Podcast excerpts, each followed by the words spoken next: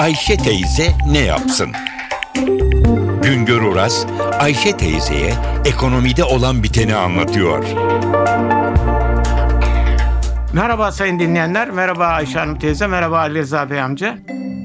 Bizde altın talebi genellikle kırsal kesimden, Anadolu'dan gelirdi. Kırsal kesimde Anadolu'da harman sonunda insanlarımız ellerine geçen parayla eşlerine, kızlarına, çocuklarına takı alırlardı. Sonra bir de harman sonunda sünnet mevsimi başlardı, düğün mevsimi başlardı. Bunun için de insanlar daha çok ziynet eşyasına talep gösterirlerdi. Şimdilerde ise talep daha çok şehirlerden gelmeye başladı ağırlıklı olarak. Kentlerde yaşayanlar ufak birikimleriyle altın satın almaya başlıyorlar. Kentlerdekilerin altın satın almalarının arkasındaki bekleyiş kısa dönemde altını ucuzken almak, pahalıyken satmak ve aradaki farktan bir kazanç elde etmek şeklinde görülüyor. Dünyadaki altın fiyatlarındaki dalgalanma da bu tür e, değişimlere, bu tür bekleyişlere imkan hazırlıyor. Neden? Dünyada altın fiyatları son zamanlarda çok dalgalanmaya başladı. Bir bakıyoruz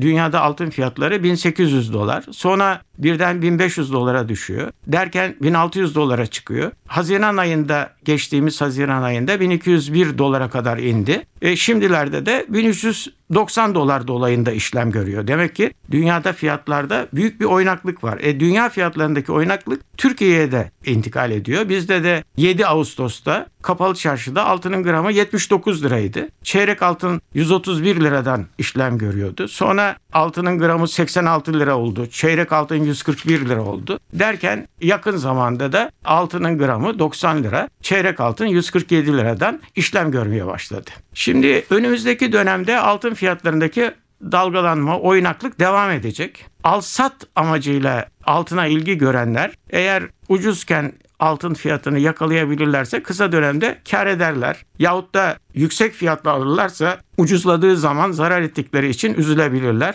Ama bir gerçek var. Altın fiyatları uzun dönemde, uzun dönem dediğim en aşağı 3 yıllık, 4 yıllık, 5 yıllık dönemlerde hep bundan önce yükselmiştir. Yani altını daha önceden alıp da 3 yıl, 2 yıl, 4 yıl bekleyenler pek öyle zarar etmemiştir. Onun için altın alırken insanların biraz uzun dönemli aldıklarına dikkat etmeleri lazım. Uzun dönemde altın alanlar daha az kayba uğruyorlar yahut da daha fazla farktan yarar görüyorlar. Bir başka söyleşi de tekrar birlikte olmak ümidiyle şen ve esen kalınız sayın dinleyenler.